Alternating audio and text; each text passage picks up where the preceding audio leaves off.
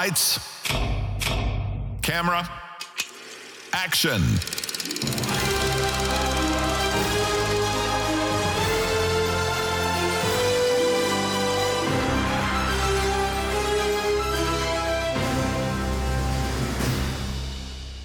Lepo pozdravljeni eh, v drugem podkastu Filmologije, z vami smo Nikola, Žiga in Nec. Zdrav. Živa, živa. Evo, 95. podelitev Oscarjev za nami in uh, zbrali smo se, da malo strnemo svoje misli. Bila je kar uh, zanimiva podelitev, veliko zanimivega se je zgodilo. En film je popolnoma dominiral in uh, že dolgo v bistvu nismo videli neke take dominacije. No, zdaj, mogoče nec, uh, tebi je bil to najljubši film leta, če se ne motim, ne vse posod naenkrat, oziroma Everything Everywhere All at Once. Uh, tvoj komentar? Ja, nekako smo napovedali določeno metlo v, do, v nekih kategorijah in do neke mere, in to se je neverjetno zgodilo. Ne? Uh, moram reči, da nisem za neke kategorije pričakoval vseeno ne zmage, kljub temu, da je na vsak nagradah kazalo temu tako, ampak uh, vseeno je prišlo do zmage v teh res najbolj pomembnih kategorijah, kar je. Uh, meni je bilo pomembno in javno, uh, zasluženo, bi jaz rekel. No, če naredimo kratek povzetek, se pravi, vse posod naenkrat je slavil v kategoriji, seveda, pač najboljšega filma. Dobili so tudi eh, nagrado za najboljšo režijo, za najboljši izvirni scenarij, potem pa tudi nagrado za najboljšo montažo, kot tudi kar tri eh, nagrade za igranje, se pravi, eh, za igralko v glavni vlogi, igralko v stranski vlogi ter igralca v stranski vlogi. Tako da To je sedem Oscarjev, na zadnje je sedem Oscarjev, vključno z glavnim Oscarjem, torej za film leta, uh, slavil, se pravi, enega več, no še celo dobil Revni milijonar leta 2008. Se pravi, to je res neka vrsta dominacija na Oscarjih, ki je v bistvu že zelo, zelo, zelo dolgo nismo videli. Zdaj, uh, žiga, vse posod naenkrat vem, da ni bil tvoj najljubši film, ampak uh, še vedno no, se ti zdi to šokantno, presenetljivo, pričakovano, neverjetno. Kaj, bi, kaj praviš? Ne, v resnici ne, sej gre za zelo kvaliteten film. Konkurenca je bila letos dosti močna, kar je verjetno malo težilo špekulacije.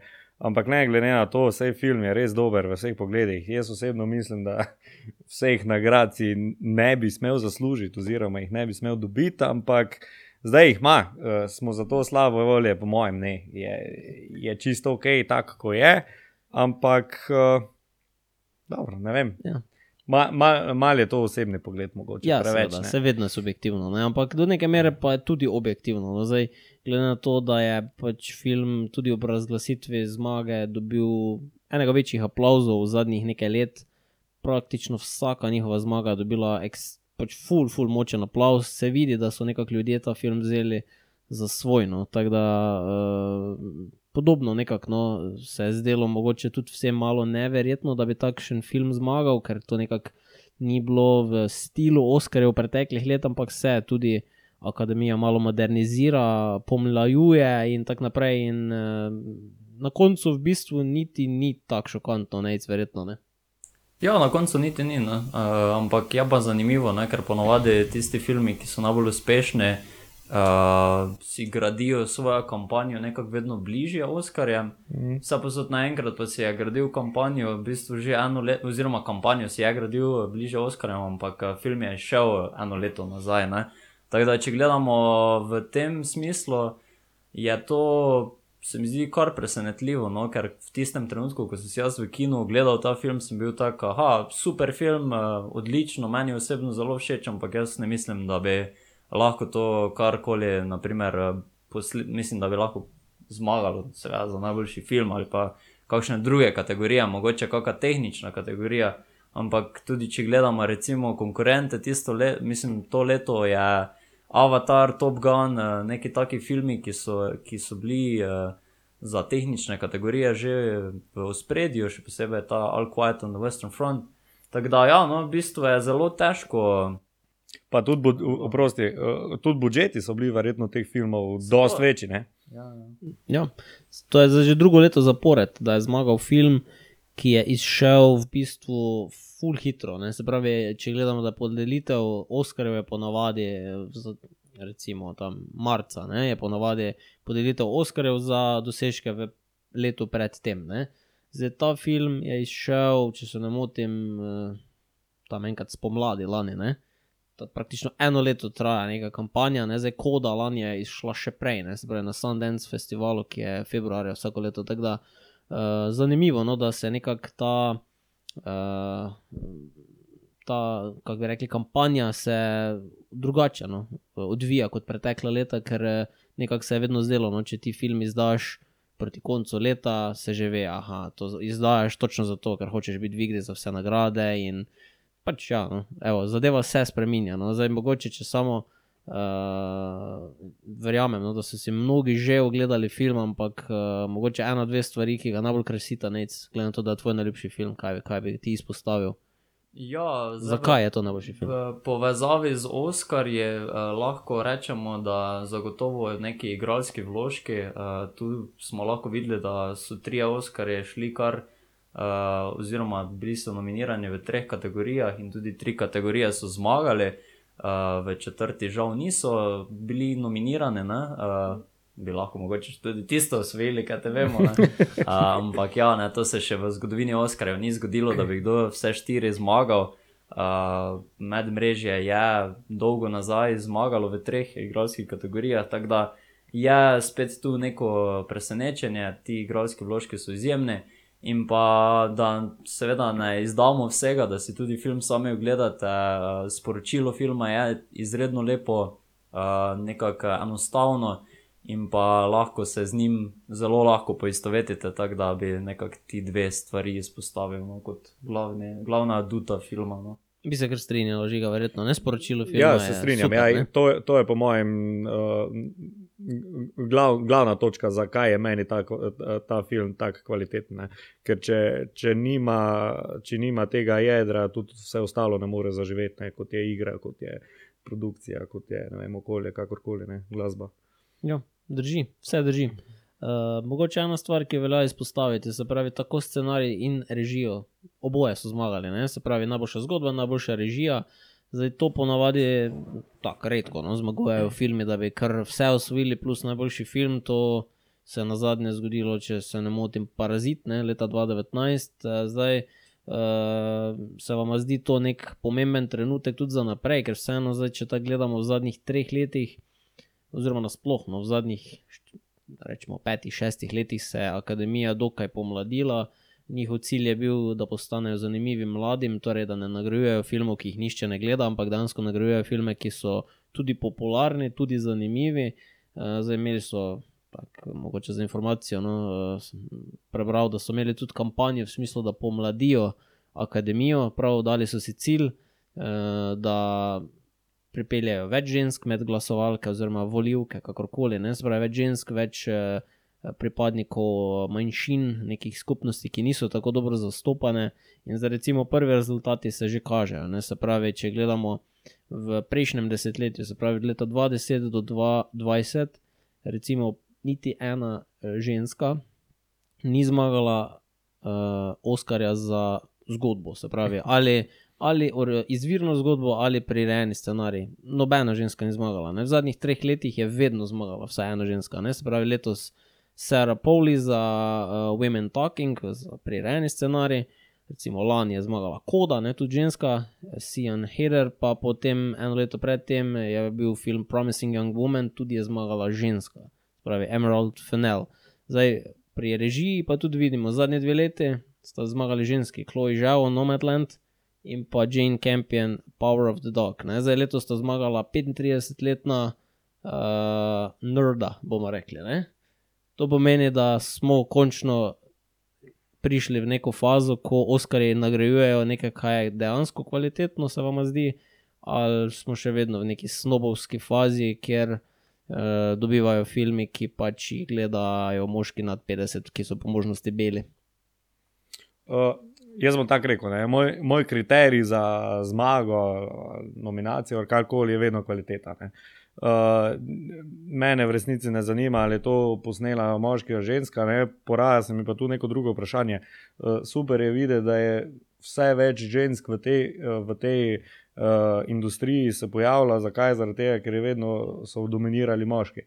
Zdaj, vprašanje pa je, zakaj jih pa prej ni bilo. Ne? Ja, mogoče ni bilo toliko priložnosti, bi verjetno, verjetno. Sama rekla, za mi verjetno nismo dovolj, dovolj pametni, da bomo imeli vse odgovore na ta vprašanja, ampak eh, zagotovo so bile sposobne ženske, ne, ki so, uh, niso dobile enakovrednih možnosti. Tako da uh, je fajn, no, da tudi eh, filmi, ki mogoče v preteklosti niti ne bi videli, kakšne nominacije, pridejo zraven, tudi evropski ustvarjalci, recimo, če gremo naprej. Drugi veliki zmagovalec večera, ne, zdaj, gla, seveda, vse posod naenkrat je definitivno glavni zmagovalec večera, ampak uh, All Quiet on the Western Front, se pravi, nemška vojna drama, je dobila štiri Oscarje. Zdaj, to se zdi tako, en, na nekem trenutku se je zdelo, uh, mi dva nec smo se pogovarjala, ko so dobili, mislim, da dva ali tri zaporedoma v nekaj minutah, da op, ne, mogoče bi pa znalo biti celo kako presenečenje, ne? Pa Ja. potem hitro vse uh, zatrlo, se vse skupaj v kali, ne, kot rečemo. Ampak vseeno, ne, eh, recimo, to je edini film, ki se ni predvajal v kinu, je bil na Netflixu in uh, končno nekaj pametnega strani Netflixa, ampak so pač naleteli na vse posod naenkrat, ne, mogoče v kakem drugem uh, univerzumu bi jim uspelo. Ne.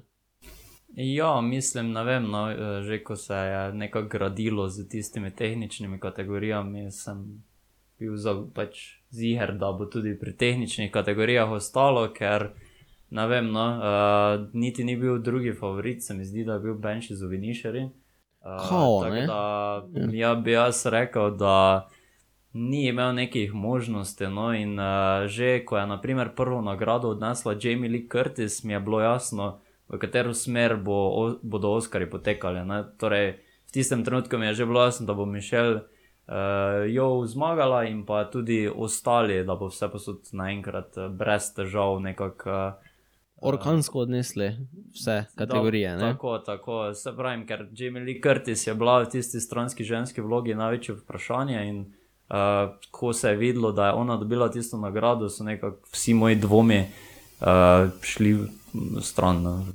Ja, sej, če gremo mogoče kar na igralske kategorije. Ne? Zdaj, eh, tri od štirih so dobili vse posod naenkrat. Zdaj, v stranski vlogi nekega dvoma ni bilo, se pravi, bil je ta Kehuj Kwan, eh, ko je igral moža Waymonda.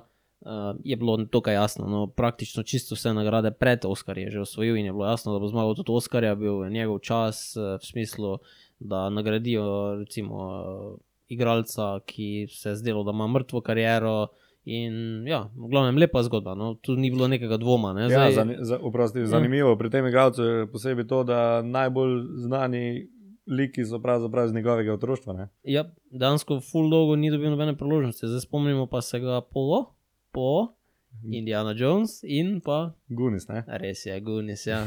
Tam je bil full simpatičen in ja, tudi zato je verjetno Harrison Ford podelil. Uh, glavno nagrado uh, večera, ker je bilo vsem verjetno jasno, da bo vse posod naenkrat slavil in bodo potem lahko uh, nekako uh, to, uh, ta reunion videli na odru ne, med Kehoj Kwanom in Harrison Fordom. In Zdaj- bil je zelo simpatičen. Zelo, zelo, zelo simpatičen. Ne. Zdaj, glavna debata večera je itak, da bila, verjetno tudi zato največji aplaus, je bila uh, tudi nekako najbolj žočna debata na socialnih omrežjih, spravi igralka v glavni vlogi. Ne. Zdaj tukaj je Kate Blanchett v, bila favoritinja vse čas, potem pa nekako Mišel je pač na, na zadnja vrata preletela. In v stilu filma je v bistvu pometla s konkurenco, in na koncu slavila na vseh nagradah, in na koncu potem tudi tukaj. Zdaj, zdi se malo čudno, pa mogoče ne navadno, no, da bi film slavil v vseh možnih kategorijah, na koncu pa ne bi zmagala ženska, ki ta film v bistvu nosi na svojih plečah. Pa vendar je to bila prava odločitev, čika. Uh, jaz osebno mislim, da ne. No. Uh, čeprav je bila njena vloga super kvalitetna, ampak mislim, da je imela uh, njena konkurentka dost, uh, dosti težjo nalogo. Zakaj? Zaradi tega, ker je bil dosti bolj osebni film, uh, dost, uh, dost bolj se je lahko postovetila z, z nekimi težavami, ki pač uh, pestijo v filmu, medtem ko Medtem ko v vse posod naenkrat je, ja, je, je bilo treba preklapljati med različnimi, različnimi scenami, dosti hitro, ampak se mi zdi, da uh, ne, ne nosita igralke isto težo, enostavno. Ja, tam mogoče od Kate Blanchett je vseeno malo več odvisno. No, zdaj tudi, ne vem, mogoče velja omeniti, zdaj z- posebej za ta film se je tudi naučila dirigirati orkester, spravi sposobna je dirigirati katerikoli orkester na svetu v tem trenutku. Naučila se je iz nula igrati klavir in tudi tekoče nemško govoriti, ja. ne, kar je pač res pohvalno. Uh, Nate, tvoje mnenje, ta, ta dvoboj je bil verjetno dvoboj večera, ker smo nekako vsi pričakovali zmago, vse posod naenkrat v glavnih kategorijah, zdaj tukaj pa res ni bilo jasno in bil je pravzaprav eksplozija nekih čustev, ko, ko se je razkrilo, no, da je to pač tist, tista zmaga Mišel na koncu. Ja, ta razlika, ne, ker gre za karakterno študijo v enem filmu in uh, v bistvu za neko celoto kot film z različnimi dobrimi igralskimi vložki. Uh, vseeno, po mojem mnenju, preteh, pretehta, da je naprimer Kate Blanchett vseeno imela boljši performance, ampak uh, zaradi tega, ker so verjetno hoteli res nagraditi Everything Everywhere All at Once, torej vse posod naenkrat v veliki meri je in tako kot si tu že prej omenil, bi bilo res smešno, da od vseh nagrajencev prav ona ne bi bila nagrajena, ne, ki, ki je največji del tega filma. Tako da, ja, no, je bila nerodna situacija, se mi zdi, da sta si obe zaslužili, obe ne morete dobiti Oscarja, ampak uh, mogoče si je malo bolj zaslužila Kate Blanchett, ampak ja, žal do tega ni prišlo. Ja, sej Oskari vedno se nekako trudijo, sploh zadnjih let, biti bolj inkluzivni in tako naprej, zdaj vedno iščejo neko zgodbo tudi. Ne? Se niti na koncu koncev, dosti krat ne zmaga najboljši performance, ampak najboljša zgodba. Ne? Zato je tudi kampanja tako pomembna. In eh, kampanja Mišel je v bistvu slonela na tem, da če zmaga, bo to prva igralka azijskega porekla, ki bi slavila v glavnih igralskih kategorijah. Ne? In Oskarji vedno pač želijo nekako pisati zgodovino, in zdaj, glede na to, da so verjetno ljudje tudi ocenili, da je bilo, recimo, ne, tukaj, tukaj, ne, da sta bili pač primerljivi, se je mogoče tisti, ki je cincal levo, desno, na koncu odločil, ajde pa dajmo Mišel je yeah, in bomo spisali zgodovino. Ne. Verjetno tudi to je igralo neko vlogo. Ne. Uh, zdaj drugače, uh, ja, no, mislim, ima za sabo neko bogato kariero, saj uh, delno jo poznamo, sploh tisti, ki imajo radi te neke kung fu filme, predvsem starejše, no, Mišel je, prihaja iz Malezije in tako naprej, v glavnem. Uh, uradno je zdaj vpisana v večnost filmsko in prva, kot rečeno, igralka azijskega porekla, ki je slavila za igralko v glavni vlogi. ne. Tako da to ni nepomembno, po mogoče še ena stvar, ki je zanimiva. V tem tisočletju uh, je to šele druga nebelka, ki je zmagala. Ne. Se pravi, Halle Berry je zmagala leta 2002, uh, pa zdaj leta 2023 je zmagala Mišel, je druga leta je bilo vedno, vedno je bila pač neka igralka iz Amerike, Avstralije, Anglije, v glavnem pač ne, Belopolta. In uh, se mi zdi, da tu Amerika sploh je full nekako uh, skuša biti rasno uh, enakopravna v zadnjih letih, že mogoče preveč, da pretiravajo v tem, ampak uh, tukaj je zagotovo to tudi pač igralo neko vlogo. Ne? To zdaj pač ne moremo se pretvarjati, da ni. No? Ampak čestitke, no super, spisali so zgodovino in uh, vse, vs- pač bravo, ne? kaj rečemo drugo. Ne? Zdaj, uh, mogoče če še gremo samo na moško glavno vlogo, no, to je edina, ki je, kjer ni slavil vse posod naenkrat, zdaj žiga, ti si že eh, zadnjič v prvi epizodi dejal, da Brandon Fraser za svojo predstavo v Kitu si zasluži. Ne? Ja, absolutno. Tako da si zadovoljen, verjetno. Uh, tu sem super zadovoljen uh, in tudi upravičeno. Mislim, njegov performance je poezija, ga je gledati. ne. In vseh dve ure in koliko pač traja film, je uh, blestine. Ja, ker zdaj, zdelo se je na koncu, da je vseeno uh, Colin Farrell malo izpadel z igre, tako da je bilo v bistvu vprašanje, ali bomo, ali bodo, no, mi nimamo glasa, ne, ali bodo nagradili pač Brendana Frasera, uh, ali bodo pač nagradili Austina Butlerja v filmu Elvis. Ne. Zdaj je Nate, mislim, da, Sem vam rekel. no. Sem vam rekel. da. da ni bilo, A, ni bilo blizu. Ne. I told you so. Uh, Ja. ja. Lahko tukaj ven potegnem to karto, ker ja, res uh, nisem izdelal, da bi si Austin Butler zaslužil v tem primeru, in tudi se mi ne zdi, da bi Oscarji nagrajevali v to smer. Ja, so šli v drugo smer, kar se tiče najboljšega filma, pa teh kategorij, ampak uh, Očitno pa še to ni čas za igralske kategorije, ker če gledamo, so vsi vseeno dobili, ki že nekaj imajo za seboj, kilometrine uh, to leto. Ne? Uh, Tako da, ja, no, ali Ferrari ali Fraser, to bi bil, bil moj pik in hvala Bogu se je to zgodilo. Ja. Vse Butler še ima čas, ne? Butler še ima čas, Ja, tako ja. smo rekli. Ja. Tako, ne. Tudi Leonardo DiCaprio mora počakati, ne? Tudi res, ja. Tako da, ja, zdaj mogoče ena taka zg- podzgodba, no, ki, se, ki je tako se razplamtela no, po teh eh, podelitvah. Uh, Spravi imamo filme kot so Tar, kot so Fablemanovi, kot so Duše otoka, uh, Elvis na koncu koncev, tudi Trikotnih žalosti. Ne, recimo to so filmi, ki grejo domov praznih rok. To se zdi pravzaprav neverjetno, se pravi, recimo sploh Duše otoka, ne, Benši za Vinišer in devet nominacij, to je bilo drugo največ. Ne? Eh, Devet nominacij, vse pa so grejo domov praznih rok. Elvis, osem nominacij praznih rok. Fablemanovi uh, imamo full, mislim, sedem nominacij, če se ne motim, tudi praznih rok. Tar, tudi fantastičen film, vsi veste, moj najljubši film prejšnjega leta, tudi gre domov praznih rok. Zdaj, ja, zdaj če tako pogledamo, žiga, zdi se, da sta vse posod naenkrat in All Quiet on the Western Front praktično pobrala vse. Zdaj, kaj to pomeni? Uh, za te filme. So- Kako kak se bo to postaralo? Se ti zdi, da je bila kakšna napaka tukaj? Uh, ja, ža- žal je pač tako, ne, da čez nekaj let, ko bomo pogledali nazaj, se bomo spomnili samo tiste, ko so pobrali nekaj. Ne. In tu je škoda, da ta kvalitetni filmi bojo šli, se ne bojo v resnici šli, ne, ampak uh, na nek način pač širša javnost jih bo pa pozabila. ne. Uh, in to je fuš škoda. Ja, ker vseeno, ne, zdaj, če tako pomislimo za nazaj, ne, kako, ko iščemo neke eh, dobre filmske predloge, pa ne vem. iz 70-ih, 80-ih. Ja. Pač pogledaš, ne, recimo, aha, ta je zmagal, ta, ta je vem, najboljša zgodba, nekaj. Ne. Zdaj, za filme, ki pač nič niso zmagali, če ti je res nekdo, ki mu zaupaš, ne priporoča, da je to odličen film. Recimo čez 30-40 let vprašanje, če bo kdo pogledal Fablemanove ali pa duše otoka. Ne. Upamo, da bodo, ne, ampak ne, ni pa nujno. Ne. Tako da, eh, ja, no, zdaj, eh, pol imamo pa še potem druga dva blockbusterja, ne, tako imenovana rešitelja kina, Avatar pod vode, pa Top Gun Maverick, eh, ki sta sicer dobila vsak en Oscarja, ne, zdaj Avatar je bilo tako jasno, da bo dobil za vizualne učinke, ki so bili spet revolucionarni, zdaj eh, Top Gun Maverick pa za zvok.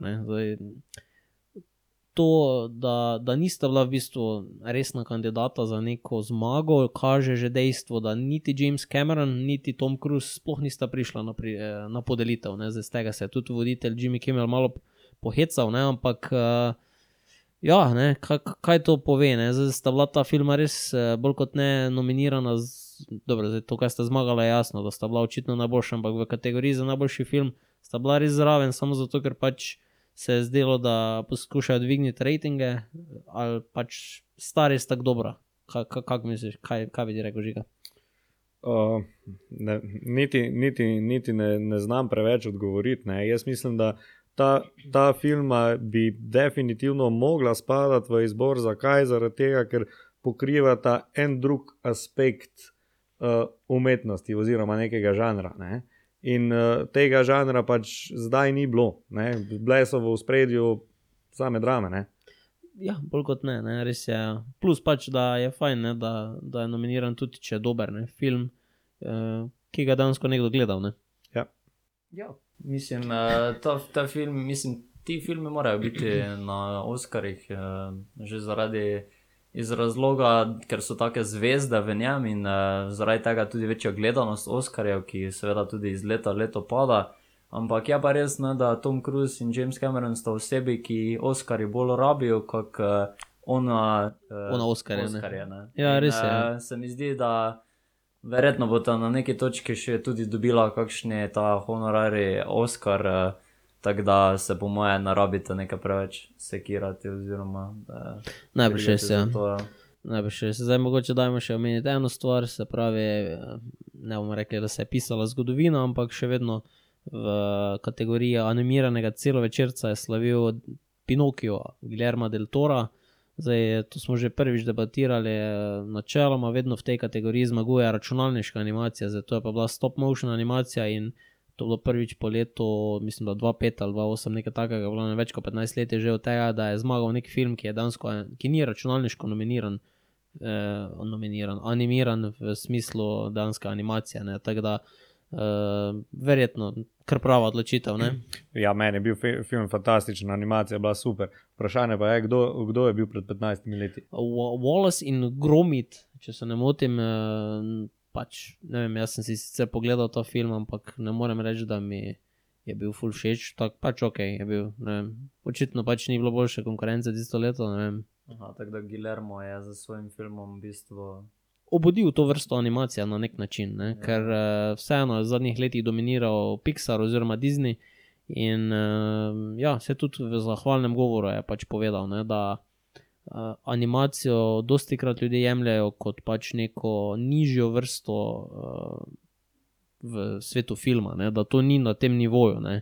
Zdaj ne vem, ali je mogoče mislijo koga tako malo podrebra, dregniti v smislu, tudi mi bi mogli biti nominirani za najboljši film, ne samo za najboljši animiran film, ne, ampak uh, realno vse ima prav, ne, saj tudi odlični animirani filmi so odlični filmi, ne, ne odlični animirani filmi. Ne, tako da, Ja. Uh, ja, plus, da je vedno več animiranih filmov, ki dejansko niso narejeni nujno za naj, najmlajše, za otroke. Ne? Zdaj ta Pinokio zagotovo ni bil narejen za otroke, ne? ker se pač eh, Mussolini je v filmu ne? in tako naprej. Tak da, uh, ja, no, evo, zanimivo. Zdaj, mogoče še ena stvar, če jo menimo, po dolgem času je imela pri, eh, podelitev voditelja, tako da to je nec dobro delovalo, se ti ne zdi? Ja, meni se zdi, da ko je vedno, ko je bil Kimmel gor, uh, mislim, ponovadi mi ni tako smešen, ampak v tem kontekstu je celo, uh, so vse šale bile on point, je, so delovale, no moram reči.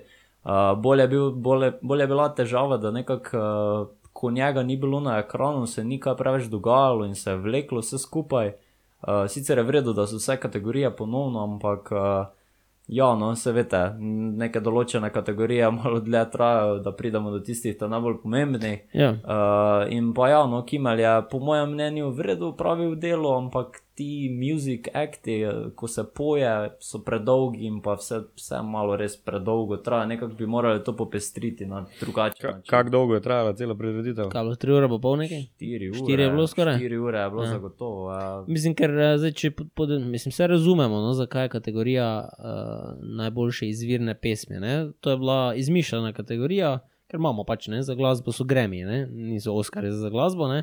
In uh, sploh v zadnjih letih se vedno bolj dogaja, da dobivajo nagrade znana imena, ki uh, pač svojo pesem zalimajo na koncu, ko je konec filma, preden greš ti ven, oziroma mi že ponovadi gremo ven z uh, dvorane, pol pa ta pesem špila. In ne, pol pride Lady Gaga. Ja, in pol špilat, ne, Top Gun, recimo, bila, Ja. ne, Hold My Hand, ali pa v Črnem Panterju je bila letos, recimo, oziroma lani Rihanna, Lift, eh, Lift Me Up. Uh, tako da, no, to je bolj neka taka kategorija, ki je tam zato, da pridejo slavni ljudje, dodatni slavni ljudje še na prireditev. Ne. Zdaj, slavila pa je recimo ne Lady Gaga, pa ne Rihanna, ne, ampak je slavila indijska pesem Natu Natu.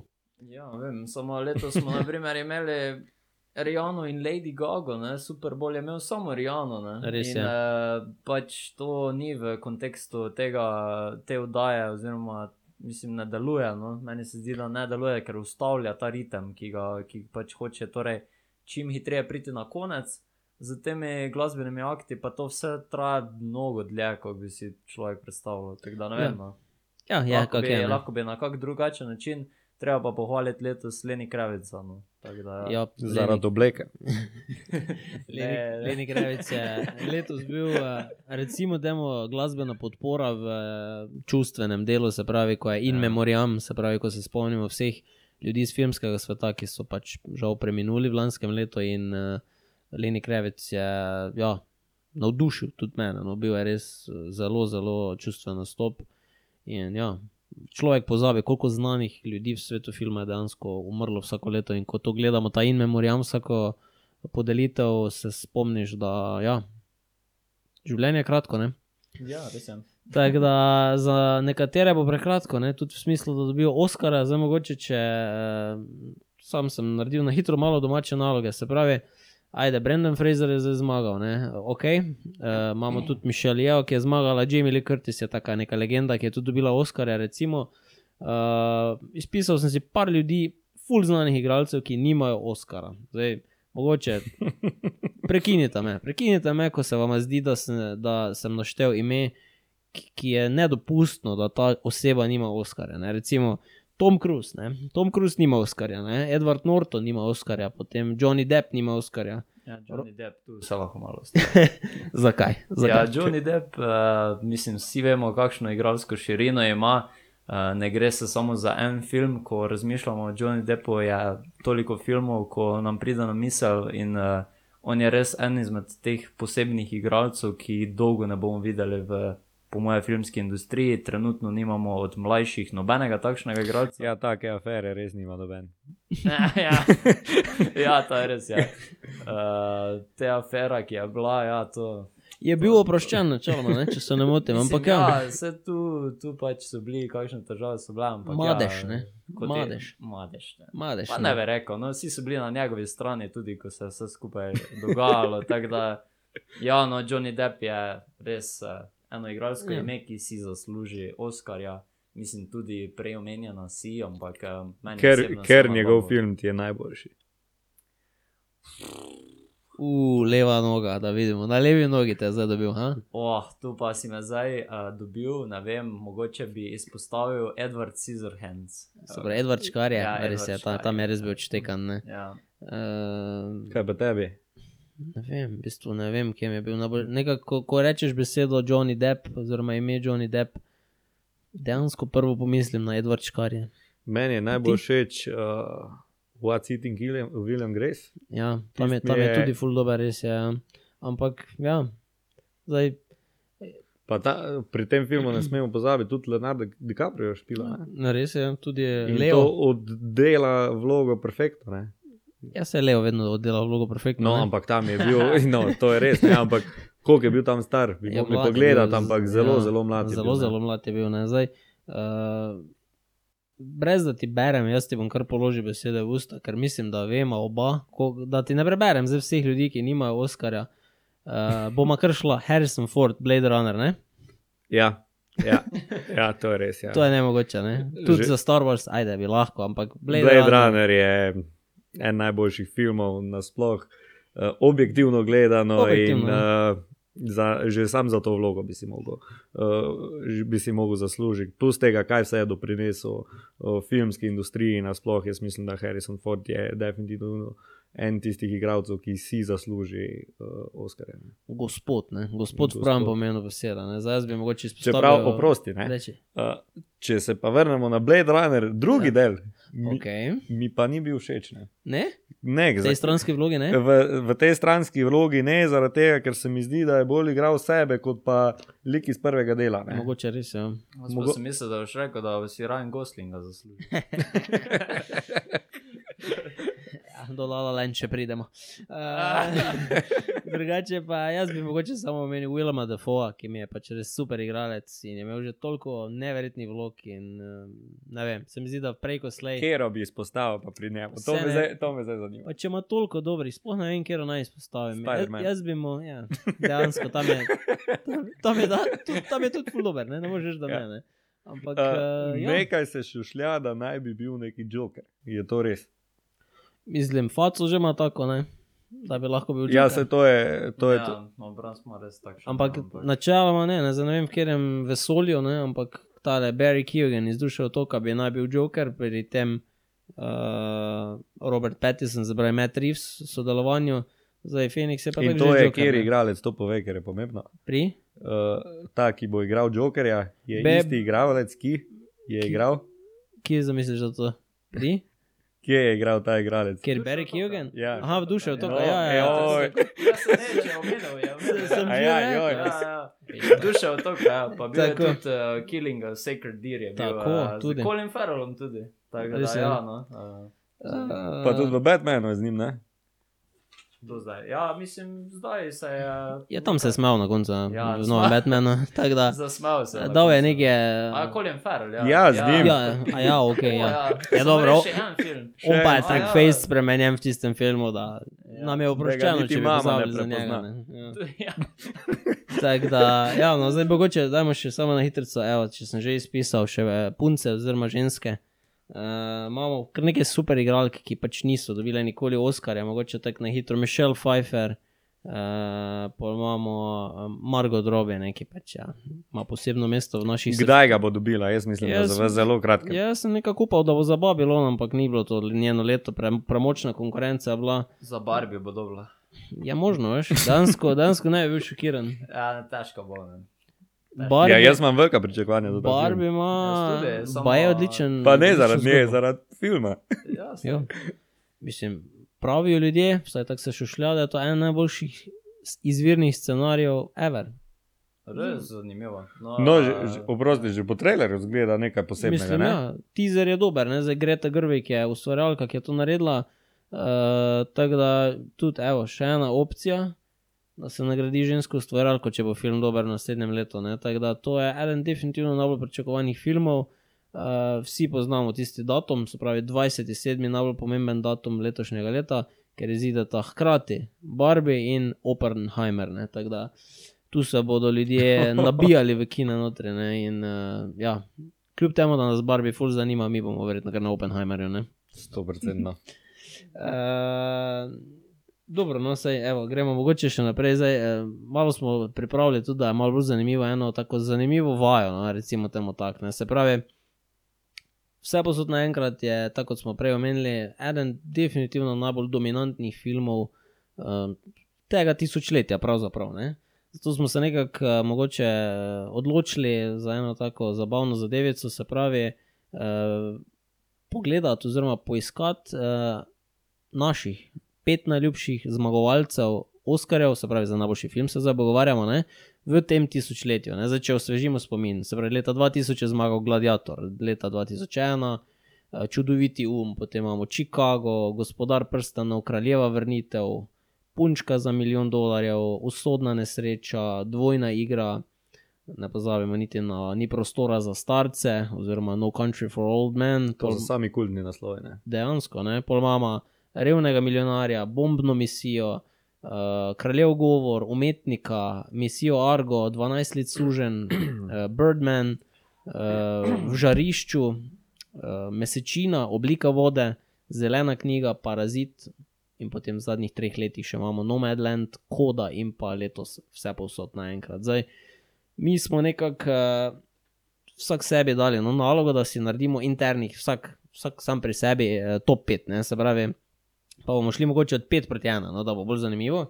Uh, zdaj, če na hitro pogledam, mogoče številka 5 pri tebi žiga je. Uh, meni je revni milijonar, številka pet. Zakaj? Kaj, kaj dela ta film tako dober? Uh, hm, uh, po eni strani me zelo privlači indijska kultura, Mhm. se mi zdi, da je najverjetno dobro, uh, dobro pre predstavljena, še sploh je pa dobro predstavljen uh, življenje, ki ga je pripeljalo do, uh, do, do tega milijonarja. Ne. In vse eh, to pripovedništvo mi je tako izstopalo, da je nekaj, uh, nekaj kar si zapolneš. Ne vem, recimo, jaz sem ta film gledal samo enkrat in to takrat, ko je bil, uh, ki se je vrtel v kino. Ne? In še ga imam vedno v spominu, vsak Ja, ja. praktično detajl, ne? ker je Mhm. ker pač tako uh, bogat za vsem. No. Res je, saj, tako kot smo prej omenili, ne, eh, osem Oscarjev je osvojil, ne, Ja. kar je recimo, ne, največ, če gledamo Ja. ja. v zadnjih ne vem koliko letih. Ne, da, V bistvu je kombinacija večjih različnih žanrov tudi in je že zaradi tega Ja. ja. zanimivo, kako se prepletajo. Ne? ja, malo drama, malo thriller, Ja, ja, malo ja. ja. neka taka Smeha, zanimiva, ljubezni, ne, ja, vse je, ne. Vsega imaš, ne, tako da. Uh, dobro, moram reči, da si me malo presenetil, ampak v bistvu niti ne po drugi strani, vse te poznam. da, uh, tvoja številka 15 je, če se ne motim, kateri film? Ja, moja številka 5 je v žarišču, torej Spotlight. Uh, to je bil uh, mi en poseben film v smislu, da takrat, ko sem si ga ogledal, me je zelo zanimalo novinarstvo in uh, to je nekako naj, najbolj osredotočeno na raziskovalno novinarstvo. Uh, raziskuje torej uh, tisto spolno zlorabo v katoliški cerkvi, uh, mislim, da časnika The Boston Globe. Uh, tako da v tistem času, ko, ko sem gledal ta film, se mi je zdelo res fantastično narejeno. Zmagal je dva Oscarja, tudi za scenarij, poleg najboljšega filma.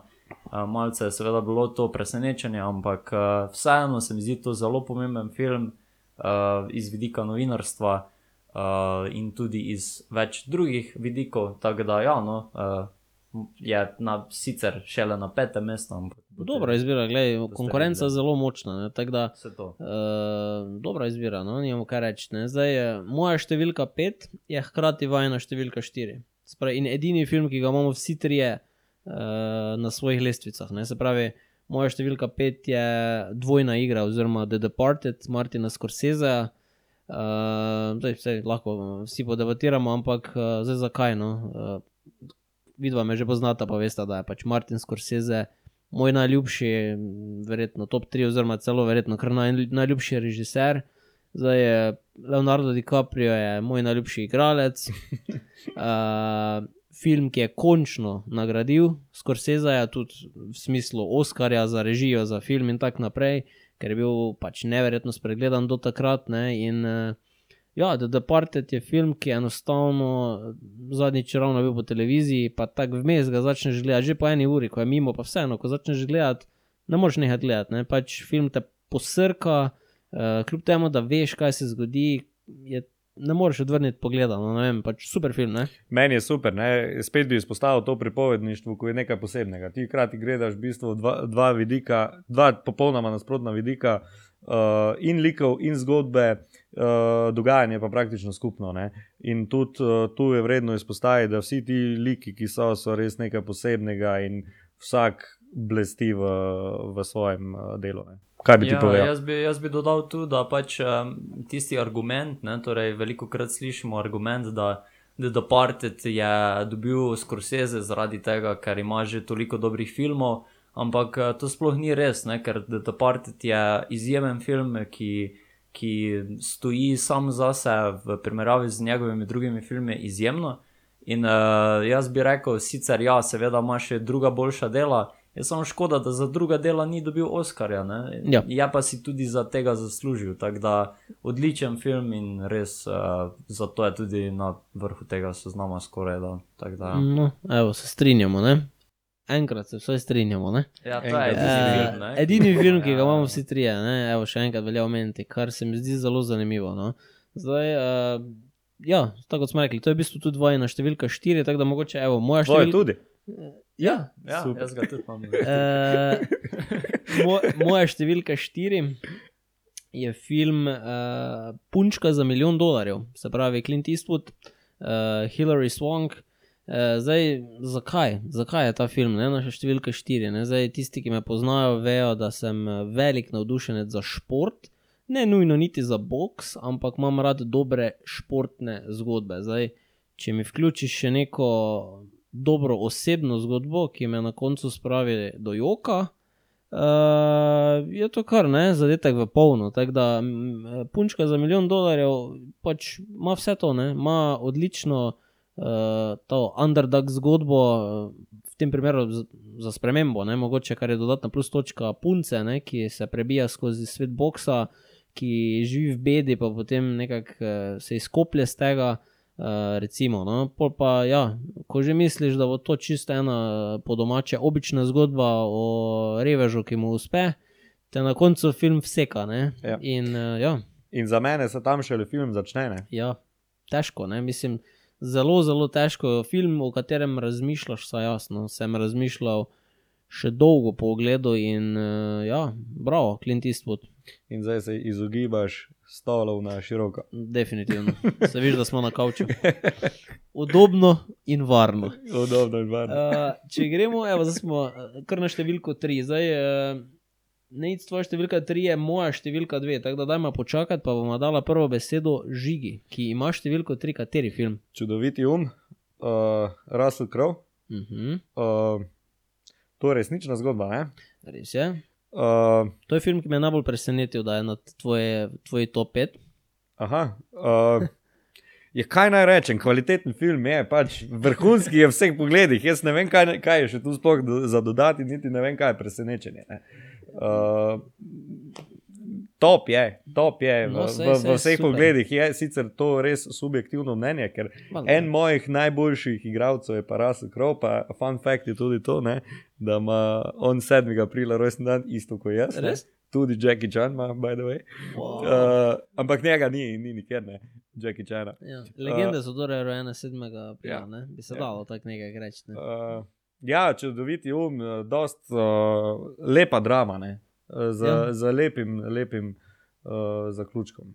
Ja, no, vse se strinjam, se strinjam, a nič, ne? Ja, jaz bi rekel, Ja. ful dober film. Tako da, Ja, ja, no. Načeloma kar dober, mislim, meni, meni ni tako dober, ampak je pa mi do, zelo dober.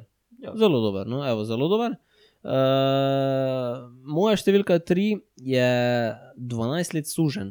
Zdaj, uh, ja, no, spet, ne, da se ne ponavljam, ampak rad imam neke take filme, no, ki znajo zgodovino, tudi tiste brutalne dele zgodovine, mogoče prikazati uh, čim bolj avtentično. In tukaj se vidi, da je pač uh, film eh, bil v rokah Steva McQueena, ki je pač vedel, kaj dela. In, prav vsi igralski performanci so v bistvu ekstremno ganljivi, film je žalosten, še en film, ki po ogledu ostane s tabo. No, tako da 12 let suženje, evo, moja številka 3, bi kaj dodala. Ne, krut, kruta, kruto, brutalen, realen. Uh, Film, ko ga, eno, težko film, ko ga gledati. enostavno rabimo. Ne. Ja, Ja. Težko ga gledati, ampak uh, ja, no, vidim, zakaj si ga dal vsem. Jaz Ja. ga ne narad gledam, ampak ja. Zgodba, ki je bilo pomembno povedati. Ne? ja. Zdaj, eh, evo, nec tvoja številka 3 je hkrati moja številka 2, 2 in to je. Parazit. Parazit 2019, eno najboljših let za film. eh, In uh, Parazit je bil na vrhu, kar je eno največji presenečen v filmski zgodovini. Uh, in uh, jaz mislim, da je Parazit s tem tudi nekako začel ta trend, da je sploh vse posod naenkrat lahko letos zmagal. Tako. Uh, tako da Parazit je res iz vseh elementov en izmed najbolj perfektnih filmov, uh, ki ste ga kadarkoli gledali, objektivno, uh, če ga nimate radi, imate narobe. Ja, tudi, mislim, meni je parazit čista desetka, pač perfekten film. Uh, ja, mislim, imam ga sicer na drugem mestu, ker obstaja še en film, ki je bolj perfekten, pa je tudi slavil za najboljši film. Ampak, uh, ja, dobesedno perfekten film. Zdaj, sam uh, mislim še vedno, no, da je leto 2019 najboljše filmsko leto, mogoče celo vseh časov in dejstvo, da je dansko parazit. Izplaval na gladino med vsemi tistimi fenomenalnimi filmi, je absolutno neverjetno in zasluženo. In tako kot praviš, nec, odprl je vrata mnogim drugim neevro- eh, ne- neameriškim ne uh, ustvarjalcem, in uh, tudi, tudi vse posod naenkrat se lahko bogato zahvali, pa plača eno večerjo Bang Jong-hoju. Ja, Tako pa, da, pa, tudi je, definitivno. pa tudi je prvi film, ko je prvi tuje jezični film, ki je zmagal, Tako. tako najboljši film. ne? Tako, Tako. tako ja. Uh, drži. Tako da, evo, gremo kar na številko 2, smo že pod vrhom. Zdaj, uh, evo, če sem prej rekel, da si me presenetil, si me pa tu zelo presenetil, žiga, tvoja številka 2 je. uh, umetnik, The Artist uh, 2011. Zakaj? Jaz mislim, da je to uh, oda filmu nasploh in tudi dosta osebna zgodba, ne, o čem govori. Gre o, gre o v bistvu koncu nemega filma in začetku filma z zvokom. Uh, spremljamo enega uh, svetovno znanega igralca, ki pa te tranzicije ni mogel naj, najlepše izkoristiti, oziroma je sprejetne. Uh, konec preseneti po celi črti, vizualno je spektakel, igra je fenomenalna, ker je, kaj že, tiha. Ne? Uh -huh. Um, in se tudi, tudi tudi uh, uh, lepo je videti, da se zavedamo, iz česa je prišel film. Ne? In, in res uh, ta film pooseblja vse tisto, kaj, kaj je začetek filma v resnici pomenil. Ne? Ja, vse se strinjam, definitivno. Pa tu bi, tu bi še nekaj povedal, ne? ko sem, kot sem ta, ta kot nek fun fact. Ne? Ko sem ta film gledal, uh, ko sem ga zaključil, sem šel pa gledat Singing in the Rain. Ne? A, Ko je pa v bistvu bilo kot neko spiritual successor. Ne? In je bilo Ja. res lepo videti, ker ti film pa govori o ravno vzponu, Ja. yeah. Tokiju. vzponu zvoka. ne. Ja. Tako da, Uh, zelo, zanimi, zelo zanimiva izkušnja. No. Odlična izbira, presenetljiva, moram reči, ampak si odlično utemeljil, tako da ti sploh nimam kaj govoriti. Uh, prav, ne. uh, zdaj, Nec, tvoja številka dve je hkrati moja številka ena. Uh, in, in, ne, in še vedno ne morem verjeti, da, da, da žiga tega nima niti v top 5. se pravi, Strenjam. uh, gospodar Zločin, prstanov, zločin. kraljeva vrnitev. Spravi, gospodar prstanov, kraljeva vrnitev. 11 sta mene Oscarjev. pogledala, pa sta si mislila, zakaj nimaš med Zakaj? pet, Kak, ne? kak? Ne razumem, kako je to možno. Gospodar prstanov, kraljeva vrnitev je pač perfekten film, ki spektakularno zaključi najboljšo filmsko trilogijo vseh časov. Um, ne vem, sploh kaj naj dodam, vsi smo ga vsi gledali, Eh, vsi vemo, metla, kako je metla. dober. To lahko V bistvu metla, ja. 11 nominacij, 11 zmag eh, na Oscarjih in uh, to je, mislim, da bilo neverjetno, ker gre za fantazijski film. Ne? Tako, v ja. zgodovini še ni noben fantazijski film bil tako uspešen, in uh, že tudi prejšnji filmi bi lahko bili tako uspešni. Tako da, ja, no, noro, res uh, Lord of the Rings, ena najboljših svetov, franšiz, karkoli. Perfektno zgrajen svet, uh, neverjeten razplet zgodbe, žiga. Boš popravil seznam? Ne, ne. ne. Uh, je super, ni pa, ni pa, ne more pa konkurirati moj, moj enki. Kaj je to enka? Uh, pre, prednjo jo razkrijem, uh, bi rad še omenil en film, za tistega sem res, res, res uh, razmišljal, tako da bo. Um, Tako da se je uvrstil tik pod petko, Ja? uh, Nomadland. Res, Nomadland je bil tako dober. Ja, zakaj? Uh, uh, dost, uh, en, en YouTube kanal bi izpostavil, In- Invisible People se reče. Uh, v bistvu gre za serijo in jih intervjujejo z brezdomci iz Amerike. Ne? In uh, res hude, hude zgodbe, resnične. Uh, in ko enkrat poznaš te zgodbe, ti vidiš, kako dobro je ta film narejen. Zaradi tega, ker čist, ker se.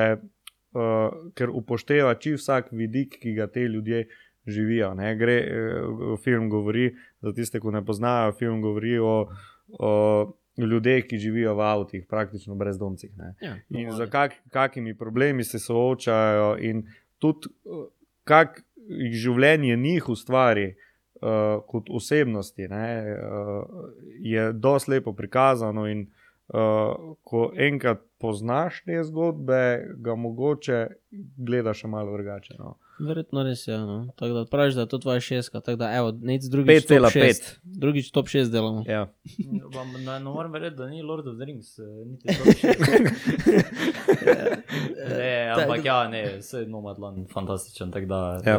to, kar je žiga omenil, definitivno si pogledajte ta YouTube video, no, ker uh, dobite neki dodaten kontekst. No, neki, Ja, ja. Ne bom rekel, da me je tvoja številka ena presenetila, ker te poznam. Ja, gladiator. Uh, to, to je pa en tistih filmov, ko vedno, ko ga gledaš, se mi zdi, da vidiš nekaj več. Verjetno res, ja. Ne, spet, spet, spet bi izpostavil to, da gre za prepletanje večjih žanrov, kar je vedno uh, skoraj uspešno, če je narejeno prav. Ne? Če je dobro. Ja. Uh, plus tega gre za zg- zgodovinsko dramo, ko je prikazana fantastično, razen nekaj tehničnih napak, ki jih fani poznajo. Ne?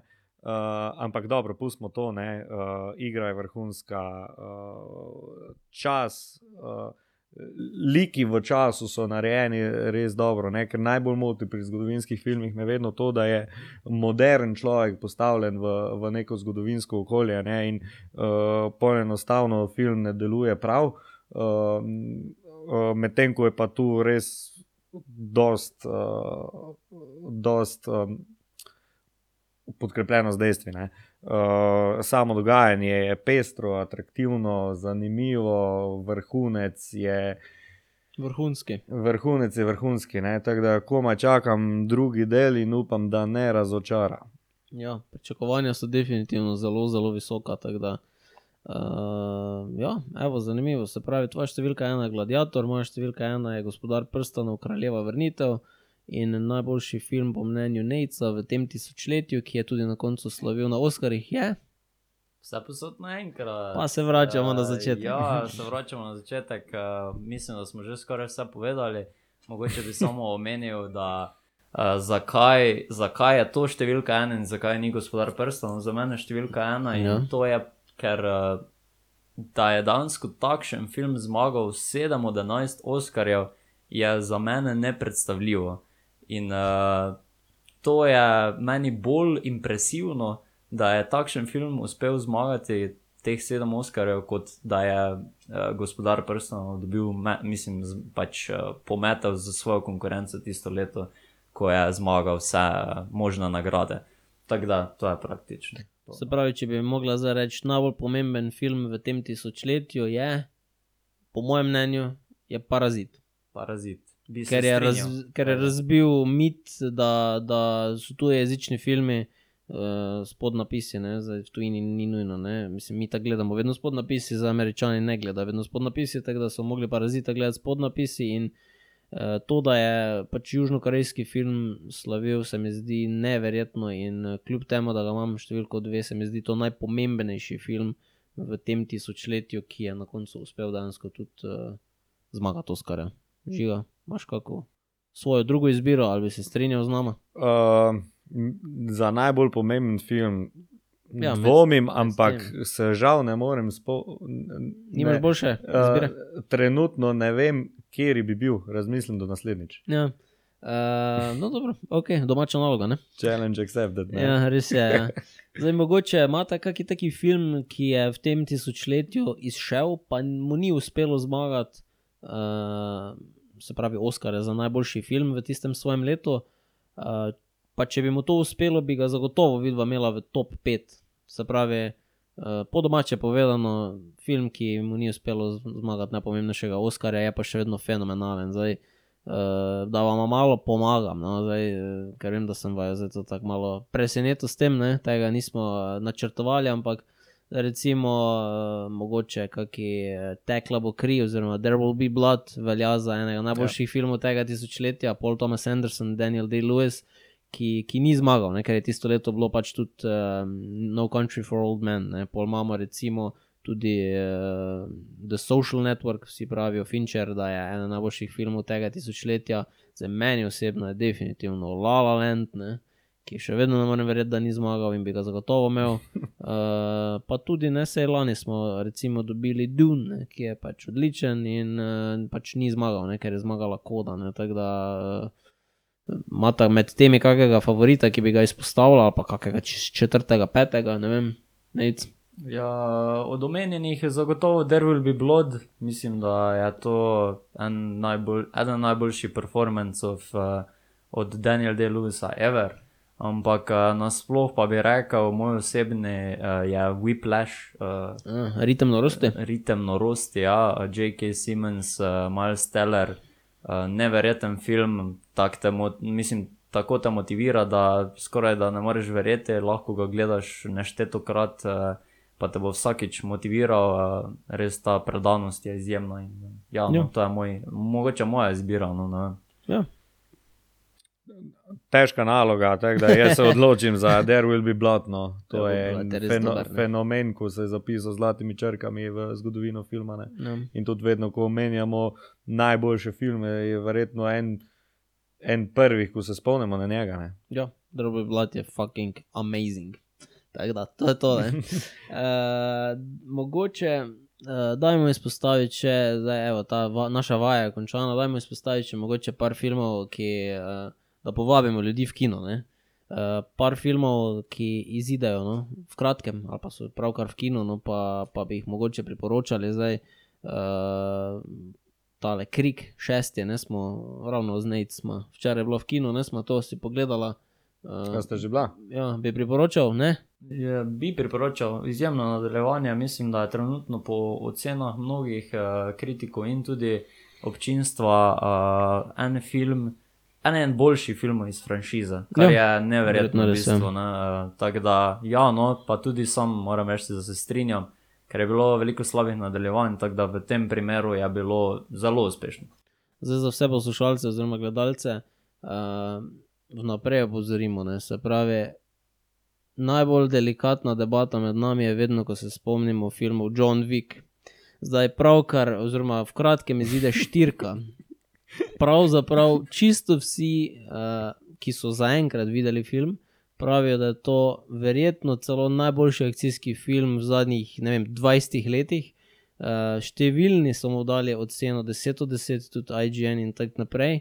Uh, zdaj, že trailer je neverjeten za Keanu Reeves, je tako ali tako neverjeten. Uh, praktično cel svet se strinja, tem pa je tukaj žiga. Zakaj ti John Wick filmi niso všeč? Zdaj si ga predstavljal kot Darth Vader. Ja, direkt isto. Ne vem. Kaj ti ne sedi pri John Wicku? Pre, Preveč skoreografirano, ali kaj? recimo, jaz mislim, da se preveč vidi ta sek, akcijska sekvenca, je preveč uh, igrana, Ok. okay. premalo naravna. In če Razumem. pogledate v detajle, boste to videli.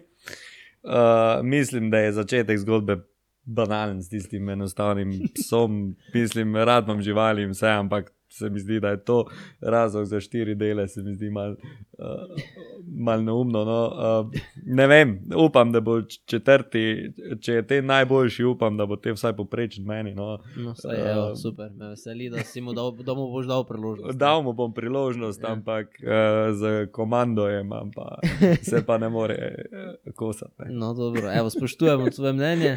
Zdaj, v kratkem dobimo še tale animiran Super Mario film, pa potem eh, film o nastanku čevljev Air Jordan.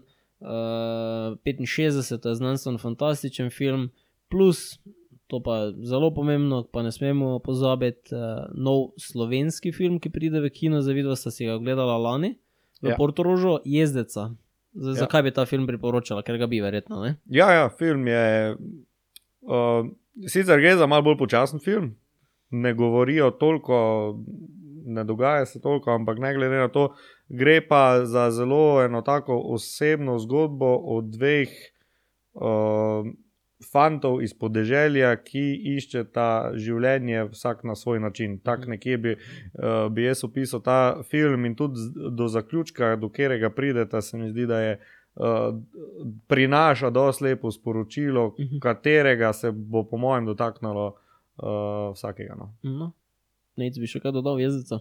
Ja, se strinjam to, kar že žiga omenil. Uh, dia, dialog je en izmed najbolj zanimivih v filmu. Je bilo veliko krohota, Ja. tudi tako, uh, ne vem, mislim, namernega, mogoče tako nenamernega, ne? v obeh, v obeh smerih je, je uspel film. Uh, tudi glede na to, da mislim, da gre celo za režijski prvenec, Uh -huh. uh, je neverjetno režiran. Tako da, ja, no, jaz sem bil res uh, presenečen iz uh, številnih aspektov in super film, definitivno si ga dajte pogledati. No. Pa podprimo ne, slovenske umetnike, slovensko kulturo, slovenske ustvarjalce. Ne, Ja. zelo pomembna stvar. Ne, da, no, super, evo, definitivno se vidimo v kinu v kratkem. Uh, bomo še mogoče kako TV priporočila omenili, zdaj ne vem, v kratkem. eh, Zdaj, The Last of Us serija je pravkar končana, prva sezona, uh, rejtingi so neverjetni, ocene so neverjetne. Zdaj ne bomo razkrili, vsi, ki ste igrali igrico, video igrico, verjetno tako malo že zgodbo poznate. Zdaj, meni je super, tako da tu zdaj nekaj dosti ni za dodati. Uh, Je podobna, ni pa ista. Ne? ja, se pravi, te NPC karaktere, ne, se pravi, non-playable karaktere, se pravi, like, ki načeloma so tam samo zato, da jih pač zakolješ, ne, jih tukaj humanizirajo in jih pač nekako eh, to da neko globino tej zgodbi. No, tako da se mi zdi, da je zadeva deluje. Gre pa Eh, za eno postapokaliptično tako. zgodbo, ki vključuje kaj? Variacijo zombijev. Recimo, ja, recimo, da je nek virus, ki so pol, je folk, recimo, da so na nek način zombiji, imaš en. Uh, Ki pa se jim reče, kak? Oh, Klikers. Ja, klikers. Ja, Klikers eni, Klikers. ja, zdaj slovenski izraz se ne spomnim, sem trenutno, ampak vem, da na HBO Max je nek prevoz. No, nočemo vedeti. Ja. Ja, klik, ne bodo klikersi. Ne, čez, Klik, klik lakovi. Ja. Eh, Neka random beseda. v glavnem, eh, ja, no, Pedro Pascal, Bela Remzi, oba igralca sta fucking odlična, neverjetna, fenomenalna in ja, priporočam. Ne? Uh, mogoče še omenimo samo uh, Mandaloriane nazaj. Uh, pa malo upravim, ne, se pravi Mandaloriane nazaj. Eh, Najbolj uspešna Star Wars serija zadnjih nekaj let, tako da tretja sezona zagotovo priporočamo, in pa tudi zadnji sezoni prihajata ven. V bistvu najbolj uspešnih uh, uh, serij zadnjih nekaj let, se pravi na uh, področju smeha, recimo temu komedije, je Ted Lasso, daleč najbolj uspešna serija zadnjih nekaj let, in tretja sezona pa tudi njihova zadnja. Uh, nam vsem najljubša serija, se mi zdi, no, upam, da se ne motim, je Če pa govori- verjetno če mi- Succession. Ja, ja, ok. Tako, Succession, četrta sezona bo tudi zadnja. eh, Po koncu The Last of Us se zdaj evo, vrača HBO, nadaljuje v močnem ritmu, tako da prihaja Succession, nasledstvo po slovensko. In uh, ful se veselimo, ne? Ja, koma čakamo zaključek, tretja sezona nas je spet pustila.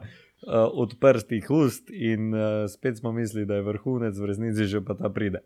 Ja, tako se zdi, ne? Baje, ja. pa baje imamo zelo čustven zaključek, da, uf. Ja, bo- se bo treba kar pripraviti. Ja. Da, no, evo, ko me čakamo. uh, naj bo to to, ne, za to epizodo. Zelo, zelo bi se zahvalili za vso podporo. Zdaj, po prvi epizodi smo dobili veliko pozitivnih sporočil in uh, to nam veliko pomeni. No? Tako da poslušajte nas še naprej in uh, se slišimo k malu.